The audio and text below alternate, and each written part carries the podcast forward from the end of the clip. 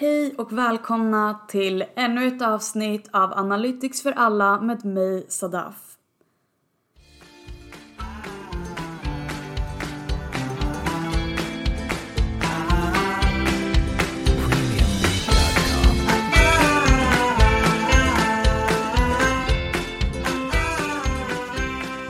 Jag vill börja med att bara tacka alla er.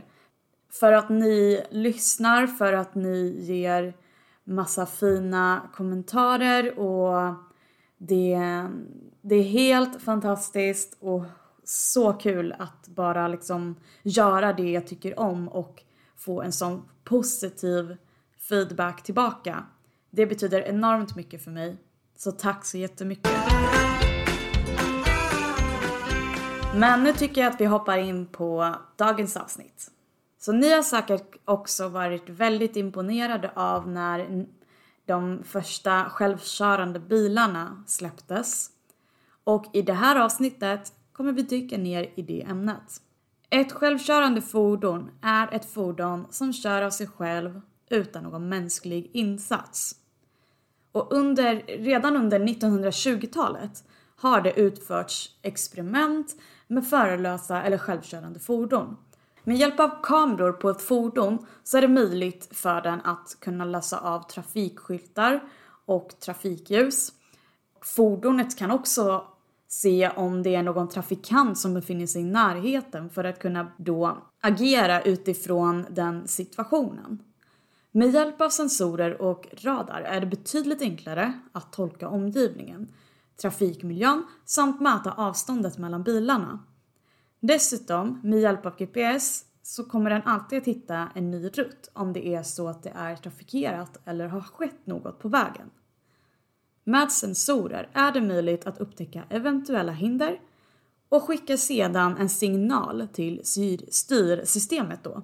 Vilket gör att fordonet då antingen väjar eller bromsar baserat på situationen.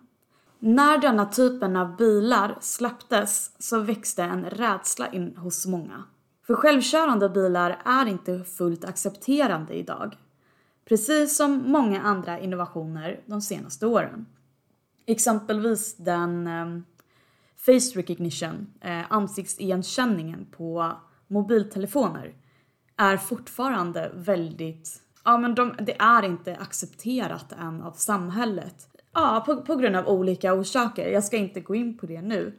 Men just nya innovationer bygger en rädsla hos väldigt många.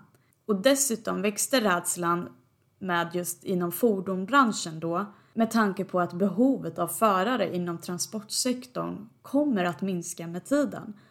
Eftersom att vi kommer få fler självkörande bilar. Och det tycker jag att man kan se både på ett positivt. Jag förstår att det kan vara jobbigt för människor som jobbar inom just transportsektorn och märker med tiden att fler och fler exempelvis lastbilar eller, och bussar är självkörande.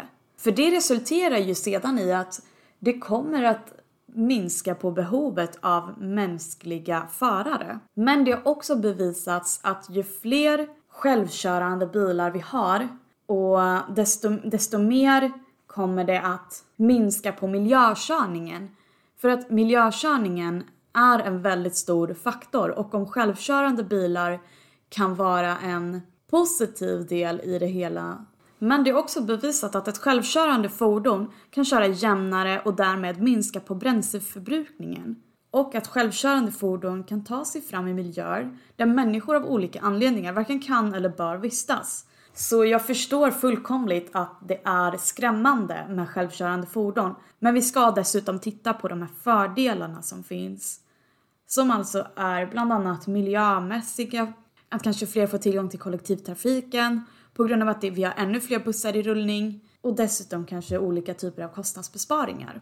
Så ju fler in nya innovationer som kommer ut behöver inte betyda att det är läskigt eller något eh, dåligt. Utan vi vill ju framåt. Vi vill ju att framtiden ska vara mer innovativ och digitaliserad.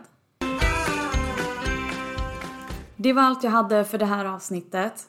Hoppas att det var givande och glöm inte att mejla mig på analyticsforalla@gmail.com. Både om det är mm, tips på olika områden som ni vill att jag ska diskutera. Hoppas ni får en fortsatt fin vecka. Stay tuned!